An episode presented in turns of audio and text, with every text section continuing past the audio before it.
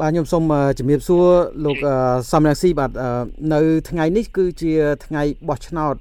នៅក្នុងប្រទេសកម្ពុជាថ្ងៃអាទិត្យទី23ខែកក្កដាឆ្នាំ2023ហើយ លទ្ធផលបឋមបឋមដូចជាបង្ហាញថាមានប្រជាពលរដ្ឋច្រើន បានចេញទៅបោះឆ្នោតហើយគណៈបកប្រជាជនកម្ពុជាអ្នកនាំពាក្យក៏បានអះអាងពីជ័យជំនះឬក៏នាំមុខនៃការបោះឆ្នោតនេះដែរតើលោកសំស៊ីវាតម្លៃយ៉ាងណាចំពោះលទ្ធផលឬក៏ការបោះឆ្នោតនៅលើកនេះបាទពីដើមទីយើងដឹងថាការបោះឆ្នោតនេះជាការបោះឆ្នោតคล้ายคล้ายពីព្រោះការបោះឆ្នោតមែនតែនតម្រូវឲ្យមានគូប្រកួត ដែលអាចឈ្នះអាចចាញ់ម្នាក់ចាញ់ម្នាក់ឈ្នះគូប្រកួតដែលមានធំធំប្រហាក់ប្រហែលគ្នានៅលើឆាកនយោបាយគឺត្រូវតែមានគណៈបកប្រឆាំងប្រកួតជាមួយគណៈបកកណ្ដាលអំណាចប៉ុន្តែការបោះឆ្នោតនេះគេបានខាត់ចោលគណៈបកប្រឆាំងតាំងពីគណៈបកសង្គ្រោះជាតិដែលគេរំលាយហើយគណៈបកគ្រឿងទៀនដែលគេរៀបរៀងមិនអោយដាក់បេក្ខជនអញ្ចឹងការបោះឆ្នោត ថ្ងៃ23កក្កដានេះគឺច្បាស់ជាលោកហ៊ុនសែនឈ្នះ100%ហើយពីព្រោះវាអត់មានគូប្រកួតកុំឲ្យតម្លៃគ្មាននរណាគេឲ្យតម្លៃទៅការបោះឆ្នោតបែបនេះទេជាការបោះឆ្នោតវាគ្មានទាំងមានន័យផងអត់មានន័យអត់មានប្រយោជន៍ដូច្នេះការបោះឆ្នោតបែបនេះគឺនាំមកនៅជ័យជំនះខ្ចល់ជ័យជំនះលេងសើចគួរឲ្យអស់សំណើច តែលោកហ៊ុនសែនបពុលោកហ៊ុនសែនគាត់ប្រកាសថាគាត់បានទទួលជ័យជំនះតែជ័យជំនះខ្ចល់ធ្វើឲ្យអ្នកសង្កេតខាឯករាជ្យគឺអស់សំណើចបាទលោកសំរងស៊ីននៅពេលនេះតើដែលលោកបានបង្ហាញឲ្យដឹងថាជាជ័យជំនះខ្យល់មានន័យថាសហគមន៍អន្តរជាតិអាចនឹង ធ្វើការជាមួយទេហើយអាចទទួលស្គាល់ឬក៏ភាពស្របច្បាប់នៃរដ្ឋាភិបាលថ្មីដែលនឹងបង្កើតនឹងអាចនឹងមានប៉ះពាល់យ៉ាងណាទៅដល់ប្រទេសកម្ពុជាឬក៏ទៅដល់រដ្ឋាភិបាលថ្មីដែលនឹងកើតឡើងតាំងពីដើមជីមកសហគមន៍អន្តរជាតិគេដឹងគេជឿថាលោកហ៊ុនសែនកំពុងតែរៀបចំការបោះឆ្នោតខ្លាំងខ្លាយកាលពីមួយឆ្នាំមុននោះប្រហែលខែចុងក្រោយនេះគឺគេនៅតែយល់អញ្ចឹងដែរអញ្ចឹងហើយបានគេអត់បញ្ជូន អ្នកសង្កេតការមកទេអ្នកសង្កេតការដែលសំខាន់ដែលគេជឿទុកចិត្តហើយដែលរបាយការណ៍មានតម្លៃគឺអ្នកសង្កេតការមកពីសហរដ្ឋអាមេរិកអត់មានមកពីសហភាពអឺរ៉ុបអត់មានមកពីប្រទេសជប៉ុនអត់មានមកពីប្រទេសអូស្ត្រាលីអត់មានអញ្ចឹងមានតែអ្នកសង្កេតការដែលចង់ធ្វើ ទេសចង់ធ្វើជាទេសចរទេសចរនយោបាយដែលគេឲ្យចេញថ្លៃឲ្យសបុតជនហោះមកដើរលេងស្រុកខ្មែរមកអើតមើលការិយាល័យអស់ឆ្នោតលេងសើចធ្វើឲ្យទៅរួចពីដៃអញ្ចឹងទៅប៉ុន្តែសង្កេតការបែបនេះគ្មានអ្នកណាយកចិត្តទុកដាក់អំពីអំពីរបាយការណ៍របស់ពួកគាត់អំពីយោបល់របស់ពួកគាត់ទេមានន័យថាសហគមន៍អន្តរជាតិគេអត់ទទួលស្គាល់ទេ តាំងពីដើមទីមកគេដឹងថាការបោះឆ្នោតនេះជាការបោះឆ្នោតលេងសើចគេអត់លេងចូលទេគេអត់បញ្ជូនអ្នកសង្កេតការមកទេដូច្នេះលទ្ធផលនៃការបោះឆ្នោតបែបហ្នឹងក៏គេមិនទទួលយកដែរបាទលោកសំស៊ីននៅពេលមុនមានការបោះឆ្នោតឆ្នាំ2018ដូចជាមានការលើកឡើងអំពីការមិនទទួលស្គាល់ឬក៏ភាពស្របច្បាប់របស់រដ្ឋាភិបាលប៉ុន្តែក្រោយមកក៏មាន សហគមន៍អន្តរជាតិឬក៏មានប្រទេសមួយចំនួនចូលធ្វើការឬក៏ប្រជុំជាមួយដោយអ្វីដែលអ្នកនាំពាក្យគណៈបកប្រជាជនកម្ពុជាលោកសុកអេសានបានលើកឡើងយ៉ាងដូចនេះថាមានកម្រាលព្រំក្រហមអីផងហើយឥឡូវនេះតើលោកគិតថារឿងហ្នឹងអាចនឹងមានលំអានដូចជាបែបហ្នឹងទៀតទេក្រោយការបោះឆ្នោតទៅឬក៏លោកដូចថាមើលឃើញយ៉ាងម៉េចអំពីរឿងហ្នឹងវិញបាទខុសគ្នាឆ្នាំនេះណាឆ្នាំ2023នេះណា លោកហ៊ុនសែនគាត់មានគម្រោងផ្ទេរតំណែងជានាយករដ្ឋមន្ត្រីឲ្យទៅកូនគាត់គាត់បានបញ្ជាក់ចុងក្រោយនេះថាប្រហែលថ្ងៃទី3អាទិត្យអីក្រោយពីថ្ងៃបោះឆ្នោតណានៅ10 20ថ្ងៃទៀតចាប់ពីថ្ងៃនេះទៅណាគាត់នឹងផ្ទេរតំណែងឲ្យទៅកូនគាត់ពេលហ្នឹងដែលមានបញ្ហាពីព្រោះកូនគាត់អត់មានលក្ខណៈជាតំណាងប្រជារាស្ត្រទេមានតែលោកហ៊ុនសែនគាត់បន្លំ38ឆ្នាំហើយ គេចេះតែអត់ព្រមអញ្ចឹងទៅ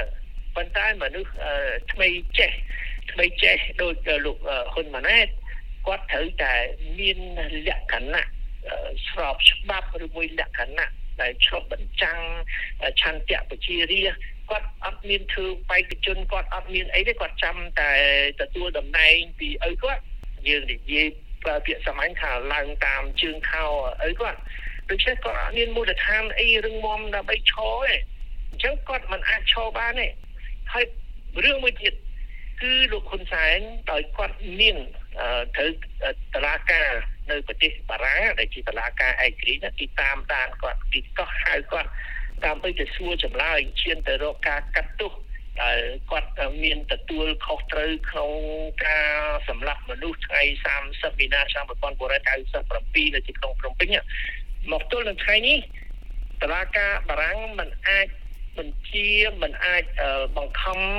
មិនអាចឲ្យប៉ូលីសអន្តរជាតិអ៊ីនតាប៉ូលទៅចាប់គាត់បាននៅឡើយទេពីព្រោះគាត់មានតំណែងជានាយករដ្ឋមន្ត្រីតំណែងជានាយករដ្ឋមន្ត្រីនេះគឺផ្ដល់អភ័យឯកសិទ្ធិឲ្យគាត់តែពេលណាដែលគាត់ចុះចេញពីតំណែងជានាយករដ្ឋមន្ត្រីនោះគាត់នឹងបាត់បង់អភ័យឯកសិទ្ធិរបស់គាត់គ្លៀមមួយរំពេចដូច្នេះតឡាការបារាំងអាចស្នើឲ្យប៉ូលីសអន្តរជាតិទៅចាប់គាត់គ្រប់ពេលវេលា នាំមកកាត់ទោសនៅចំពោះមុខតារាការប្រាក់បាត់ពីអឺចេញពីឆាកនយោបាយប្រទេសកម្ពុជាហ៊ុនសែនត្រូវតែប្រឈមមុខត្រូវគេយកមកកាត់ទោសនៅក្រៅប្រទេសជាពិសេសនៅប្រទេសបារាំងលោកហ៊ុនម៉ាណែតគាត់អស់ទីពឹងហើយពីព្រោះគម្រោងលោកហ៊ុនសែនគឺលោកហ៊ុនសែនគាត់នៅទាញខ្សែពីក្រោយឲ្យលោកហ៊ុនម៉ាណែតញាក់តាមអ្វីដែលគាត់បញ្ជាពីក្រោយពីក្រោយផងពីលើផងតែដល់ហ៊ុនសែន អស់មានឱកាសអស់មានលទ្ធភាពការពារកូនគាត់កូនគាត់មិនអាចធ្វើជានាយករដ្ឋមន្ត្រីបានទេគឺធ្វើមានឧបសគ្គច្រើនណាស់មានគូប្រកួតច្រើនណាស់នៅក្នុងជួរគណៈប្រជាជននោះគេទ្រាំឪគេទ្រាំរស់ក្រោមអំណាចហ៊ុនសែន38ឆ្នាំហើយគេចាំតែឱកាសហ្នឹងដើម្បីរើបំរាស់ទាំងពីហ៊ុនសែនទាំងពីត្រកូលហ៊ុនសែនតែម្ដងអញ្ចឹងវាមានមានវិបត្តិ វិបត្តិច្រើនណាស់ដែលនឹងកើតឡើងក្នុងឆ្នាំ2023នេះចឹងគម្រោងលោកហ៊ុនសែនការផ្ទេរតំណែងក៏ជាការបោះឆ្នោតខ្លាំងខ្លាំងនេះខ្ញុំជឿថាគម្រោងនឹងมันអាចទៅរួចទេបាទអាចមានបញ្ហារឿងតស៊ូនយោបាយរបស់លោកនៅក្រៅប្រទេសយ៉ាងណាទេនៅពេលដែលមានការផ្ទេរតំណែងយ៉ាងដូចនេះទៅតើអាចនឹងធ្វើការតស៊ូនយោបាយមានក្តីសង្ឃឹមថានឹងវិវត្តទៅយ៉ាងម៉េចចំពោះនយោបាយរបស់លោកដែល ត្រូវតឡាការកាត់ទោសផងហើយជាប់បណ្ដឹងក្តីក្តាំជាច្រើនទៀតណាបាទតែតឡាការដែលកាត់ទោសកាត់ទោសហ៊ុនសែននឹងឲ្យដែលបើកច្រកឲ្យខ្ញុំចូលប្រទេសកម្ពុជាវិញពីព្រោះហ៊ុនសែននេះរៀបរៀងគាត់គម្រាមថាយកភ្លើងធំបាញ់មីស៊ីលមកលើខ្ញុំគាត់មិនអនុញ្ញាតឲ្យក្រុមហ៊ុនអាកាសចរដឹកខ្ញុំទៅប្រទេសកម្ពុជាគាត់បានទៅអង្វររដ្ឋាភិបាលថៃកុំឲ្យខ្ញុំឆ្លងកាត់ដែនដីប្រទេសថៃ តែឧបសគ្គទាំងអស់ហ្នឹងគឺវានឹងរលាយហើយអស់តំណែងទៅលោកហ៊ុនសែនគាត់មិនអាចធ្វើអញ្ចឹងបានទៀតទេហើយគាត់ត្រូវប្រឈមមុខចំពោះតឡាការឯករាជ្យនឹងហើយដែលជាជាវិបត្តិរបស់លោកហ៊ុនសែនដែលជាឱកាសល្អ នាំមកនៅពន្លឺនាំមកនៅក្តីសង្ឃឹមសម្រាប់អ្នកប្រជាធិបតេយ្យខ្មែរដែលខ្ញុំមានកិត្តិយសធ្វើជាតំណាងបាទលោកសំស៊ីននៅពេលបោះឆ្នោតថ្ងៃនេះគេសង្កេតឃើញថាមានការគូសសញ្ញកឆ្នោត ខ្លះដែរគូសន្លឹកឆ្នោតចោលតាមអ្វីដែលលោកបានអំពាវនាវពីដើមខ្លះដែរតើចំនួននេះអាចដូចថាបង្ហាញថាប្រជាពលរដ្ឋមានការធ្វើតាមទេឬក៏យ៉ាងណាពីព្រោះគណៈកម្មណាយថាដូចជាជាការបរាជ័យមួយលើកទៀតរបស់លោកបាទគេធ្វើតែខ្លួនគេគេរាប់តែគ្នាគេគេប្រកាសតែគ្នាគេវាគ្មានតម្លាភាពអ្វីតតែសោះ ការរាប់សរិទ្ធឆ្នោតនេះគេធ្វើនៅក្នុងការិយាល័យបោះឆ្នោតបោះឆ្នោតហើយគេចាប់រាប់ប៉ុន្តែគេបិទទ្វារបិទបង្អួចគេមិនអោយប្រជាពលរដ្ឋមិនអោយតាណាចូលចិត្តទេគេធ្វើអីចែកចិត្តគេគេរកតែគ្នាគេគេប្រកាសតែគ្នាគេតួលេខគេចង់ថាមិនចែកចិត្តគេដូច្នេះគ្មាននរណាជឿទេ គ្មាននរណាជឿអាតួលេខដែលកជបប្រកាសតាមបញ្ជាគណៈបកប្រជាជនកម្ពុជាតាមបញ្ជាហ៊ុនសែននេះតួលេខនេះគឺចាត់ទុកថាអត់បានការដោយដូចខ្ញុំបាននិយាយបាញ់មិញចឹងសហគមន៍អន្តរជាតិគេដឹងតាំងពីមុនម្លេះថាគេអត់ចាប់អារម្មណ៍ទេអាការបោះឆ្នោតដែលខ្លាំងខ្លាយនេះគេមិនទៅខ្វល់គេមិនយកចិត្តទុកដាក់តួលេខដែលដែលហ៊ុនសែនដែលកោជបប្រកាសនោះ មានន័យថាការតស៊ូរបស់យើងនៅតែបន្តប៉ុន្តែឆ្នាំ2013នេះស្ថានភាពវាអំណោយផលជាងឆ្នាំមុនមុនបាទបាទលោកនឹងមានការរៀបចំយ៉ាងណា ចំពោះការតស៊ូមតិនយោបាយនៅក្រៅប្រទេសទៀតក្រោយពេលលទ្ធផលចេញមកនេះតើនឹងចាប់ផ្ដើមពីអ្វីទៅជាមួយនឹងសហរដ្ឋអាមេរិកក្តីសហភាពអឺរ៉ុបក្តីឬក៏ប្រទេសមួយចំនួនក្តីបាទ ខ្ញុំជឿថាស្ថានភាពនៅក្នុងតំបន់យើងនៅមានការប្រែប្រួលដូចនៅប្រទេសថៃអ្នកប្រជាធិបតេយ្យគណៈបកប្រឆាំងគឺទទួលបានសម្លេង70%គណៈបកប្រឆាំងពីរបូកគ្នាទៅគឺអ្នកដែលចង់ឲ្យមានការផ្លាស់ប្ដូរនោះតំណាងឲ្យ70%នៃប្រជាពលរដ្ឋថៃដូច្នេះទុកអត់ជាប់ទេទោះជាពួកអយុធិនៅលើថៃពួកផ្ដាច់ការនៅថៃចង់រៀបរៀងចង់រក្សាអំណាចយ៉ាងណា បន្ទុកអត់ជាប់ទេមិនយូរមិនឆាប់ខ្ញុំជឿថាក្នុងឆ្នាំ2023នេះនៅប្រហែលខែខាងមុខទៀតហ្នឹងច្បាស់មានរដ្ឋាភិបាលថ្មីមួយហើយរដ្ឋាភិបាលថ្មីដែលចេញពីកម្លាំងប្រជាធិបតេយ្យគេនឹងគិតឡើងវិញពីបញ្ហាប្រទេសកម្ពុជាគេអត់ចូលដៃជាមួយហ៊ុនសែនទេមានតែជនប្រជាចូលដៃជាមួយជនប្រជាតែរដ្ឋាភិបាលតែប្រទេសថៃមានអ្នកដឹកនាំថ្មីដែលមិនមែនជាជនប្រជា គឺច្បាស់គេគេគិតឡើងវិញធ្វើម៉េចឲ្យប្រទេស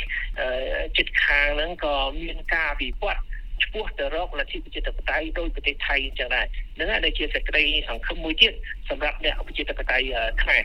បាទសូមអរគុណខ្ញុំនឹងលេីលោកចាំមើលគណៈពិសា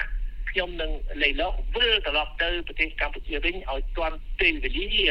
ពេលដែលប្រជាពលរដ្ឋខ្មែរកំពុងតែពុះកញ្ជ្រោលទាមទារឲ្យមានការផ្លាស់ប្ដូរហើយសូម្បីតែក្នុងជួរគណៈបកប្រជាជនកម្ពុជាដែលគេចំទាស់មួយផ្នែកធំចំទាស់ពីគម្រោងផ្ទេរតំណែងពីឪទៅកូនណាគម្រោងរបស់ហ៊ុនសែននេះគម្រោងនឹងបរាជ័យពេលណាខ្មែរយើងអាចរួបរวมគ្នាពេលនោះពីព្រោះឧបសគ្គនៃការបង្រួបបង្រួមជាតិគឺមានបុគ្គលតែម្នាក់ឈ្មោះហ៊ុនសែនពេលណាខ្មែរយើង ស្រុះស្រួលគ្នាដូចជាគណៈបកធំធំទាំងពីរគណៈបកសង្គ្រោះជាតិហើយគណៈបកប្រជាជនកម្ពុជាយើងឯកភាពគ្នាថាឥឡូវនេះយើងត្រូវតែរួបរวมគ្នាហើយត្រូវតែដកឧបសគ្គឧបសគ្គណាដែលរៀបរៀងមិនឲ្យយើងរួបរวมគ្នាបានយើងដកឧបសគ្គនឹងចេញទៅនឹងមានការរួបរวมជាតិហើយពេលនោះខ្ញុំជឿថាទូនីតិអ្នកប្រជាធិបតេយ្យខ្មែរគឺមានសារៈសំខាន់ណាស់ដើម្បីស្ដារ មិនត្រឹមតែស្ដារលទ្ធិប្រជាធិបតេយ្យឲ្យបានរស់ឡើងវិញទេតែស្ដារសេដ្ឋកិច្ចប្រទេសជាតិយើងស្ដារគេឈ្មោះប្រទេសជាតិយើងឲ្យបានស្គមស្កើងបាទលោកសំរិសិននៅទីចុងក្រោយតើលោកមានអ្វីជា ពាក្យពេចន៍ទៅជូនប្រជាពលរដ្ឋកម្ពុជាឬក៏អ្នកគ្រប់គ្រងរបស់លោកបាទខ្ញុំសូមអរគុណអរគុណដល់ជាជ្រៅជាទីបំផុតចំពោះបងប្អូនជនរួមជាតិ កូនក្មួយកូនចៅដែលបានទៅគូសខ្វែងលើពេញសដឹកឆ្នោតបង្ហាញថាបងប្អូនកូនក្មួយកូនចៅនៅតែគ្រប់គ្រងកម្លាំងស្នេហាជាតិតំណាងដោយគណៈបកសង្គ្រោះជាតិតំណាងដោយគណៈបកភ្លើងទៀនដែលខ្ញុំមានកិត្តិយសធ្វើជាតំណាងឬធ្វើជានិមិត្តរូប ខ្ញុំជឿថាចំនួនសម្លេងដែលគូខ្វែងលើសន្តិឆ្នោតនោះគឺមានច្រើនលើលុបដូច្នេះខ្ញុំមិនជឿហើយយើងមិនជឿទាល់តែសោះចំពោះតួលេខដែលគេប្រកាសថាសម្លេងគូខ្វែងនឹងមានតិចតួចទេមិនមែនតិចតួចទេគឺមានច្រើនលើលុបអញ្ចឹងខ្ញុំសូមអរគុណបងប្អូនកូនមួយកូនចៅទាំងអស់ដែលបានគូខ្វែងសម្រាប់ឆ្នោតចោលហើយយើងនៅរក្សាឧត្តមគតិដើមរបស់យើងជារៀងរហូត យើងនៅតែបន្តការតស៊ូរបស់យើងជាពិសេសក្នុងឆ្នាំ2023នេះដែលហ៊ុនសែនចង់ផ្ទេរអំណាចឲ្យកូនគាត់វាទៅមិនរួចទេពេលណាជាឱកាសដើម្បីឲ្យខ្មែររួបរวมគ្នាងើបឈរទាំងអស់គ្នាសង្គ្រោះជាតិយើងទាំងអស់គ្នាខ្ញុំតែងតែបញ្ចប់សេចក្តីអំពាវនាវរបស់ខ្ញុំដោយប្រើពាក្យស្រោបថាជ័យយូកម្ពុជាអមតៈបាទសូមអរគុណច្រើនលោកសំរងស៊ីប្រធានស្ដីទីគណៈបក សង្គ្រោះជាតិដែលបានផ្ដល់កិច្ចសម្ភារដោយផ្ទាល់ពីប្រទេសបារាំងជាមួយនឹង VOA ដោយសារពេលវេលាដល់ទីបញ្ចប់តែប៉ុណ្ណេះសូមជម្រាបលាលោកបាទសូមជម្រាបលាបាទ